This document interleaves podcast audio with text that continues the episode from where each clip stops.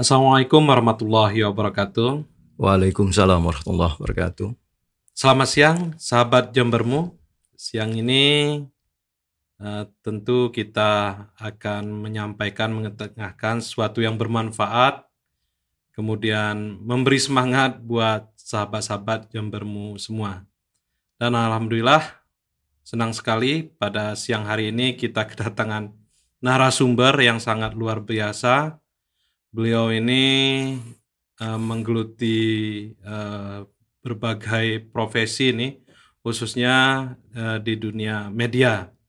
Beliau ini merupakan dosen uh, ilmu komunikasi di Universitas Muhammadiyah Jember.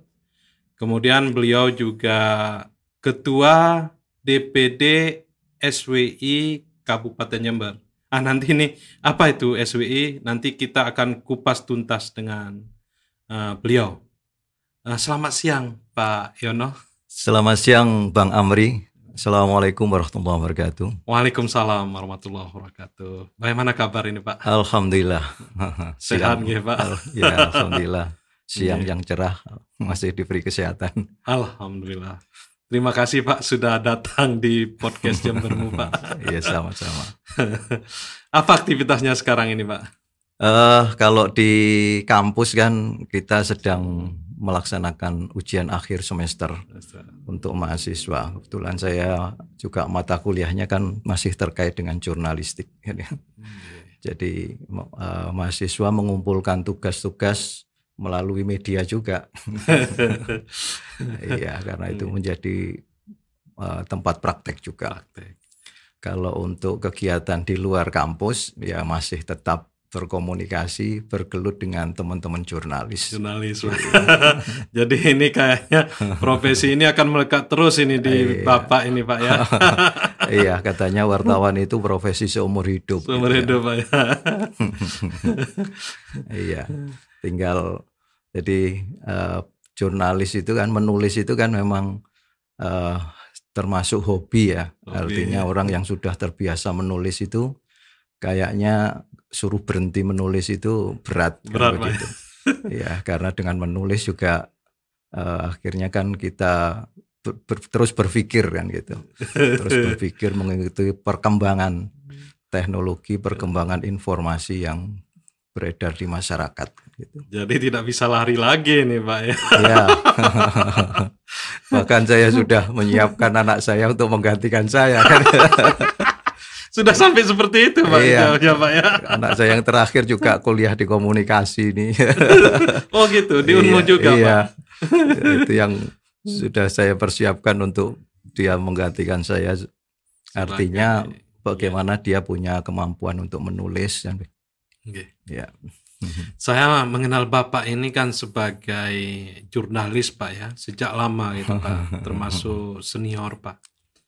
Kalau saya tidak salah tahun 2000-an itu Bapak pernah uh, menjadi wartawan di Surabaya Post Pak ya. Iya, nah, betul. Kemudian setelah itu pernah uh, mendirikan uh, Jember News di iya. Kabupaten Jember, Pak. Iya. Apa tantangannya pada waktu itu sebagai jurnalis media yang masih belum ada media online, Pak? Dan saya pernah dengar ini, Pak. Kadang-kadang dapat berita itu sulit, kemudian nanti itu masih apa namanya harus masuk dewan redaksi, apakah layak tayang atau tidak gitu, Pak. Bagaimana Pak tantangannya pada saat itu, Pak? Iya, hmm. jadi eh, kira-kira saya saya menjadi wartawan itu sudah mulai tahun 1987. 87. ya. 30 tahun lebih, Pak. itu saya mulai bujang jadi uh, jadi saya dulu sebenarnya kan uh, eh, SMA saya di SMA Muhammadiyah di Lumajang.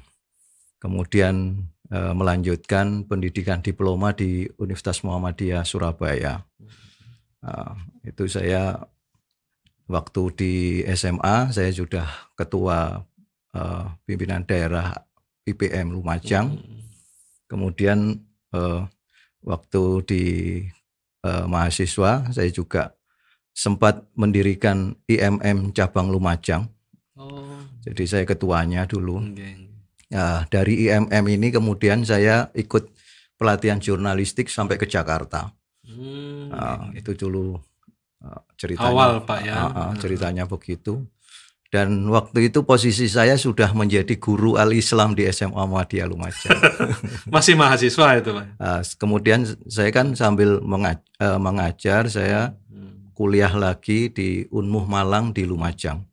Jadi dulu Oh, ada Unmuh Unmuh Malang, Malang di Lumajang. Ditempatkan di Lumajang. Iya, jadi kelas Lumajang. Nah, prodinya itu hanya matematika Hmm. dengan eh, tarbiyah. Oke. Saya ngambil matematika. Oh, matematika, Pak. Ya? Betul. Ini baru tahu saya ini, Pak. Panjenengan pernah kuliah di matematika, Iya, Pak. saya di matematika 4 semester. Ya, kemudian Pak semester itu sempat lulus, Pak.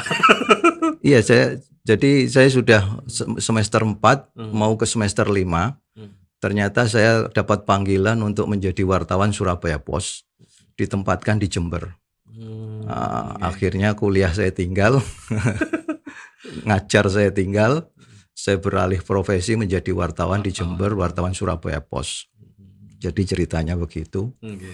Nah, Saya meniti karir mulai jadi wartawan lepas istilahnya freelance waktu itu. Kemudian wartawan tetap sampai kemudian kepala biro di Jember dan terakhir menjadi redaktur di Surabaya. Nah, itu media cetak waktu itu memang eranya masih era media cetak. Saya sempat menjadi ketua PWI Hmm. Persatuan Wartawan Indonesia perwakilan Karesidenan Besuki. Oh, oke. Jadi- Tahun berapa itu, Pak? tahun 1998 sampai 2001. Hmm. Nah, itu saya menjadi ketua PWI, jadi mengkoordinir teman-teman wartawan. Anggotanya adalah wartawan cetak, ya, surat kabar majalah, Majalah. kemudian radio dan televisi. Hmm. Jadi waktu itu masih satu organisasi profesi itu hanya satu-satunya PWI waktu itu. Oh. Ya, Uh, setelah reformasi baru kemudian muncul organisasi profesi baru Hmm. Uh, di antaranya AJI kan gitu ya, As- Aliansi Jurnalis Independen. Kemudian muncul organisasi profesi yang lain, Hmm. Jumlahnya mungkin puluhan sampai ratusan kan begitu. Akhirnya euforia Reformasi. reformasi kan begitu. Hmm. Uh, tetapi kemudian dalam perkembangannya memang ke- ada yang tetap bisa hidup, nah, ada yang sudah wafat. Wafat. Gitu. Jadi uh, hampir semua profesi begitu kan. Gitu. Ya, kecuali ID saja mungkin Ah. baru sekarang Baru sekarang. baru sekarang pecah kan begitu jadi eh, dulu kan eh, ID tetap bertahan menjadi satu-satunya organisasi profesi kedokteran yang masih solid eh, di tengah eh, gejolak orang berdemokrasi kan begitu. Ah, ini Pak, apa namanya? Waktu itu kan masih solid di satu organisasi Pak Iya. ya. Ah, Sedangkan sekarang ini banyak organisasi, tidak hanya wartawan Pak, Iya. tentu di semua hampir semua bidang Iya. itu. Itu kalau eh, Bapak melihat kira-kira ini lebih menguntungkan ada di satu pro, pro- apa namanya? satu organisasi saja eh, atau di banyak organisasi, Pak. Sehingga apa namanya? media ini bisa berkembang, Pak. iya jadi sekarang Mhm. eh, tantangannya berbeda Mhm. kalau dulu era med- era media cetak, ya Cetak. Mhm. eh, dulu istilahnya kan media mainstream Mhm. media mainstream, media arus utama Mhm. itu adalah cetak, radio dan televisi kan Mhm. begitu. Jadi dulu itu adalah lembaga satu-satunya lembaga informasi yang layak untuk menjadi sumber informasi bagi masyarakat, termasuk oleh pemerintah. Jadi saya ingat eh, zaman Orde Baru Pak Harto Mhm. itu sering membuat keputusan setelah dia melihat eh, informasi di koran-koran. Kalau dia misalnya akan membuat keputusan apa begitu, itu biasanya lihat dulu informasi yang Oh, berkembang di, Oke, di koran. oke, oke. Setelah itu baru diumumkan bahwa eh, jadi media itu menjadi sumber rujukan bagi pemerintah untuk mengambil Hmm. keputusan begitu. Hmm. Itu dulu. Dulu, iya, Ah. iya, iya. Eh, karena itu peran media massa terutama terutama media cetak waktu itu Mhm. itu sangat besar ya sehingga wartawan itu ya terutama wartawan media cetak itu ya setengah sakti dulu kan gitu. Artinya semua eh, kalau mereka integritasnya bagus, medianya bagus, itu biasanya eh, diperhitungkan oleh oleh siapa pun lembaga kan begitu. Termasuk menjadi sumber rujukan bagi Iya. Pak Harto pada Iya, waktu itu, Pak uh-uh. ya. Jadi eh, saya ingat itu, jadi banyak kebijakan pemerintah itu setelah media misalnya ada penolakan terkait dengan apa begitu, ah, itu tidak jadi gitu dilaksanakan. Ah, sekarang ber- berbeda, Hmm. eranya sekarang sudah era digital, Mm-mm. Medianya adalah media online, Mm-mm. maka media cetak ya itu sudah ha- hampir habis lah. Jadi kalau toh ada itu hanya untuk eh, sekedar hidup gitu ya. Mm-mm. Tetapi mereka sudah bermigrasi ke era digital. Jadi eh, ada yang selamat gitu ya. Yang selamat artinya dia tetap bisa eksis di media digital. Ada yang juga sudah Cetak- akhirnya cetak tetap- maksudnya iya. yang dia cetak. Jadi ada yang bermigrasi kemudian eh, ada beberapa pilihan misalnya Kompas ya. Mm-mm. Kompas itu juga punya kompas.com Hmm. ya atau .co Hmm. Nah, dan dia dua-duanya eksis. Kompasnya, Kompas cetaknya masih eksis, Mm-mm. Kompas TV-nya juga eksis, Hmm. eh, online-nya juga eksis. Nah, itu itu Kompas. Mm. Tetapi banyak media cetak yang lain ya di cetaknya tutup, kemudian dia bermigrasi ke online, online-nya juga tidak jalan.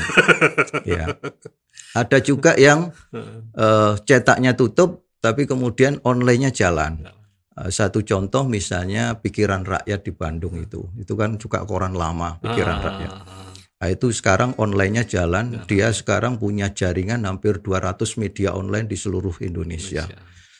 Nah, kenapa bisa eksis? Karena dia kerjasama dengan Google. Mm-mm. Jadi dia sudah ikuti aturan main Google. Eh, maka yang dijual itu adalah viewer. Jadi jumlah pembaca. Mm. Ya, kalau dia bisa membuat berita yang dibaca oleh jutaan orang, orang mm, maka iklan otomatis akan masuk dari Google. mm, Nah, nanti ada bagi hasil eh, berapa nilai iklan itu, berapa yang harus didistribusikan kepada media, berapa yang perusahaan-perusahaan lain. Nah, mm. itu bisa hidup di situ. Jadi eh, tinggal bagaimana media itu terus membuat berita yang dibaca oleh jutaan orang. Ah, tapi Google ketat memang. Mm, Jadi misalnya tidak boleh ada berita terkait dengan pornografi, mm, tidak boleh berita terkait dengan sara, isu sara. mm, Itu akan dinotif, ada notifikasi dari mm, Google dan itu ada peringatannya. mm, Kalau dia terus melakukan itu maka diputus. Mm, iklannya tidak akan masuk lagi kepada media itu gitu. Nah, itu Google eh, ya seperti itu. Eh, sementara media online yang eh, hidup di daerah-daerah itu ya biasanya ya hanya sekedar untuk apa men- tempat menulis berita saja. mm, Ya dia tidak bisa hidup layak. mm. Kenapa ya? Karena dia hanya bergantung pada iklan lokal gitu ya. Iklan lokal itu paling ya ucapan selamat gitu ya kan. Dan kalau dia kenal Terbatas, Pak ya. kenal camat, Hmm. kenal kepala dinas Hmm. gitu. Sekarang hari Bayangkara misalnya, selamat eh, HUT Bayangkara kan begitu. Itu berapa nilai iklannya kan begitu. Ya itu ya sangat minim sekali sehingga eh, kondisi media online itu rata-rata dia eh, tidak layak sebagian besar Eh, kecuali dia memang berjaringan. Eh, karena itu organisasi profesi wartawan ini sebenarnya sangat dibutuhkan ya supaya dia punya punya koneksitas dengan jaringan eh, yang ada di Jakarta begitu sehingga dia bisa dapat bagian dari kue iklan yang ada di nasional.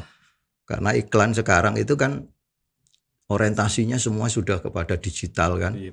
Kan begitu. Eh, saya lihat dari apa eh, hasil surveinya Dewan Pers Mm, itu trennya itu sudah eh, media media mainstream jadi media cetak itu sudah sangat turun sekali hanya kira-kira 20 persenan begitu kemudian 30 sampai 40 persen itu di televisi, uh, selebihnya itu di media online gitu. Online. Iya, jadi era media online ini sudah uh, terutama mere- mereka yang punya jaringan nasional uh, itu ya lumayan iklannya. ya. Ah, ini Pak, ini menarik ini Pak.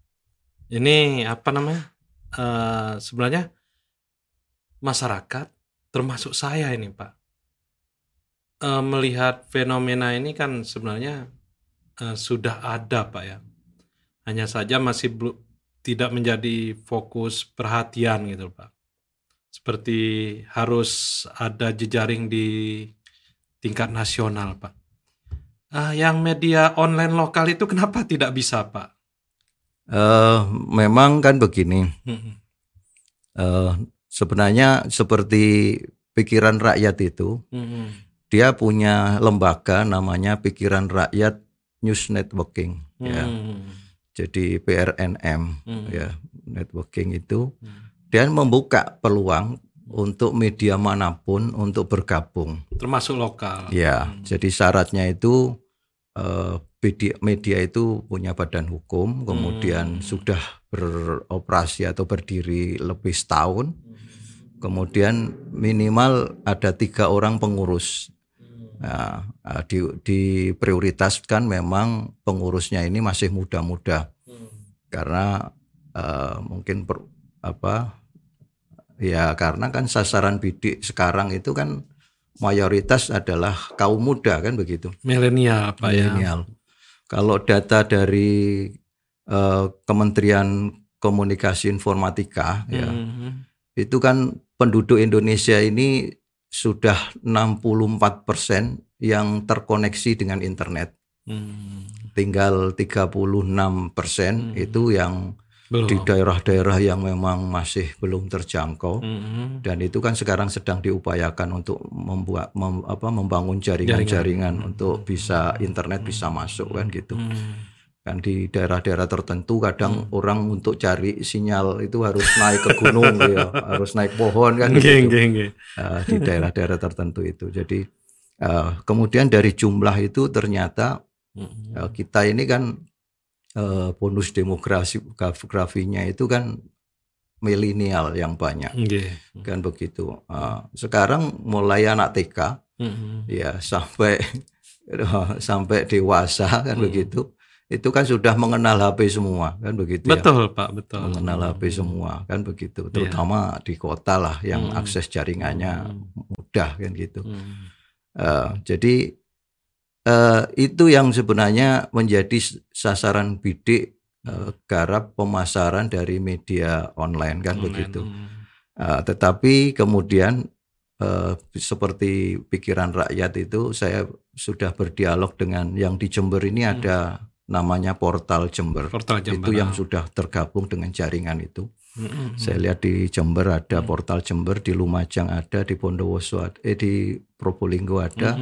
Sudah hampir setiap daerah di Jawa Timur mungkin sudah mulai terkoneksi, dengan terkoneksi, pikiran ya. rakyat tadi. dan itu kan ya dia eh, di Jember media online itu lebih dari 100 yang ada kan begitu. Hmm, ya. Tidak mungkin semuanya ditampung oleh pikiran, pikiran rakyat, rakyat, kan Nah, begitu. nah. Tapi jaringan dari media-media lain itu banyak sebenarnya kan.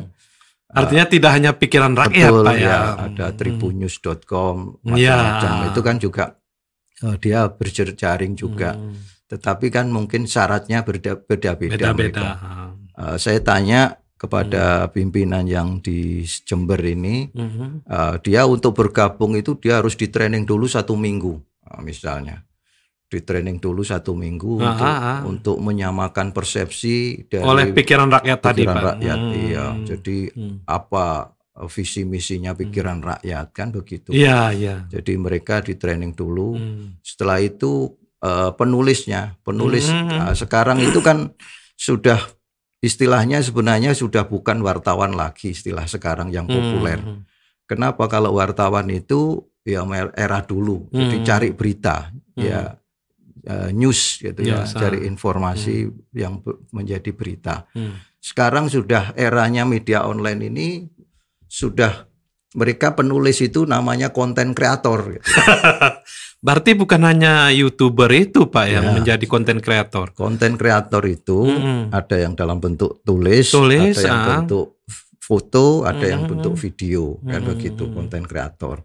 Iya. Ya, eh, sebenarnya eh, kalau yang foto dan video itu Hmm. lebih mengarah kepada youtuber kan gitu. Hmm. Mereka ke terkoneksi ke YouTube. YouTube, kan begitu. ah. Nah, sekarang muncul baru misalnya TikTok gitu. Hah. Nah, TikTok ini juga sama nanti fungsinya bahkan kayaknya lebih dahsyat TikTok nanti. Lebih cepat Lebih perkembangannya cepat, pak. ya, Iya, Hmm. sekarang TikTok itu begitu kita share kalau kita pop- populer ya, Hmm, populer hmm. apa yang kita share itu Hmm. itu langsung pembacanya sampai ratusan ribu sampai jutaan kan Hmm. begitu. Betul betul. Ah, beda dengan YouTube, Hmm. YouTube itu perkembangannya lama sekali, Hmm. ya verifikasinya ketat kan Hmm. begitu ya.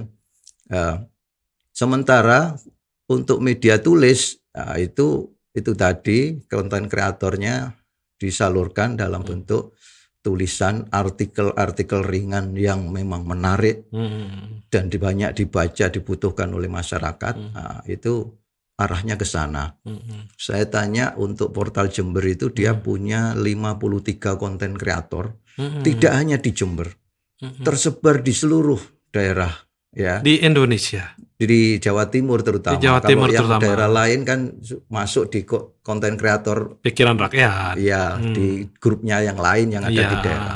Nah, ini di, dia punya konten kreator di Banyuwangi, di Probolinggo, Hmm. bahkan di kawasan barat Surabaya itu juga Hmm. ada, konten kreatornya. Nah, mereka hanya cukup menulis setiap hari, Hmm. ya, kemudian dikirim ke redaksi, Hmm. ya ada emailnya redaksi, Hmm. kemudian di sana dia punya editor Hmm. yang mengedit ya, Hmm. untuk keamanan eh, Iya, tulisannya tulisan. kan begitu. Setelah itu dia tayangkan, dia terbitkan, Hmm. ya eh, itu tinggal dilihat eh, jumlah viewernya. kan Viewernya. begitu. satu bulan kalau dia bisa mengumpulkan eh, pembaca sampai puluhan juta, Hmm. karena rata-rata pasti pembacanya di Hmm. sana itu eh, sudah sudah jutaan, ratusan Jutaan. ribu sampai jutaan satu Oh, tulisan satu untuk tulisan. satu bulan. Iya. Satu bulan. Eh, itu kebetulan ada mahasiswa saya lulus Hmm. lulusan komunikasi dua Hmm. orang, Hmm. cewek semua Hmm. asal Banyuwangi. Dia sudah menjadi bergabung menjadi konten Kreator. kreatornya. Hmm. Itu pernah dia dapat sebulan dapat penghasilan 15 juta 15 juta pak Iya. ya. dari tulisan dia yang dibaca oleh jutaan orang. Jadi bagi hasil dia karena kan dia eh, Google itu menghargai satu pembaca itu 300 rupiah kalau nggak salah. Satu pembaca 300 rupiah. Iya, kalau dibaca satu juta orang, Berarti 300 kali 1 juta. iya, Berarti ti- sekitar 300 juta pak. iya. Nah, kan begitu. Tapi Iya. rata-rata mereka kan tidak sampai itu. Iya. Artinya satu juta itu diraih oleh semua tulisan dalam satu bulan di media itu. Jadi rata-rata begitu. Jadi satu orang berkontribusi 50 ribu sampai 100 ribu pembaca. Ya, sehingga saya tanya bagaimana sharingnya? Nah, sharingnya itu 40-60. Jadi Ah. kalau dia misalnya dibaca satu juta, Satu juta orang, hmm, ya dia kan dapat 300 juta. 300 juta, Maka perusahaannya itu dapat 40 persennya. 40 persen Ya, ya. yang 60 persen dibagi seluruh konten kreator berdasarkan jumlah viewernya. Oh, Nah, kan gitu. Jadi hitungannya begitu sekarang. ini informasi baru ini Pak, Iya. menarik Pak. Karena mungkin Hmm. anak muda sekarang Pak sudah tidak lagi berpikiran bahwa eh, penulis itu profesi yang menjanjikan Pak. Karena mungkin kecenderungannya melihat bahwa eh, konten kreator yang saat ini menjanjikan itu kan eh, konten kreator video Pak ya, melalui YouTube, Hmm. kemudian melalui apa namanya tadi itu Pak? Iya, ada foto juga. ada foto uh, ternyata menulis juga bisa menghasilkan sampai 300 juta pak Iya. ya Gitu. Jadi eh, itu ya syaratnya itu tadi kita harus bergabung dengan media yang punya jaringan.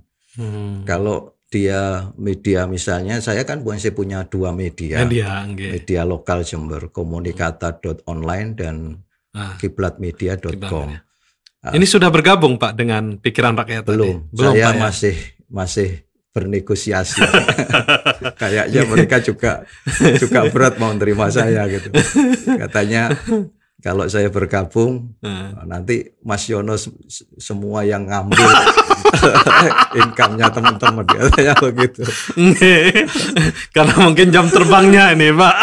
Jadi eh, tapi saya kemarin sudah eh, alhamdulillah karena ada teman-teman mahasiswa komunikasi yang magang di sana. Ah. Kita sudah MOU Hmm. Eh, mungkin nanti eh, kalau terwujud kita mendirikan eh, apa media khusus pendidikan Hmm, yang dikelola oleh Prodi Ilmu Komunikasi. hmm. Jadi mahasiswa selain dia praktek tapi dia juga berpenghasilan nanti. Berpenghasilan. Betul, betul. Nanti betul. arahnya akan ke sana. Hmm, Itu kalau ah, ini masih dalam tahap pembicaraan. hmm. Nah, saya kebetulan sudah selesai jadi kaprodi. Nah, kemarin saya membawa kaprodi baru untuk membicarakan ini. Jadi bisa fokus Pak ya. Iya. gitu. Ini Jadi ke sana Hmm. memang. Jadi sebenarnya menulis itu masih menjanjikan Oke. ya eh, kalau kita memang fokus dan kita eh, bergabung di media yang tepat ya, media yang memang eh, menjanjikan itu. Jadi seperti itu. Nah, kemarin saya tanya ada eh, konten kreator yang dalam satu tahun dia bisa menabung sampai 200-300 juta. Tab- 200 sampai sampai 300 300 juta. Ini konten kreator penulis Iya, Pak ya. Dalam tabungan dia. Ini dalam penulis Pak ya. penulis ya 200 sampai Iya. 300 juta. itu.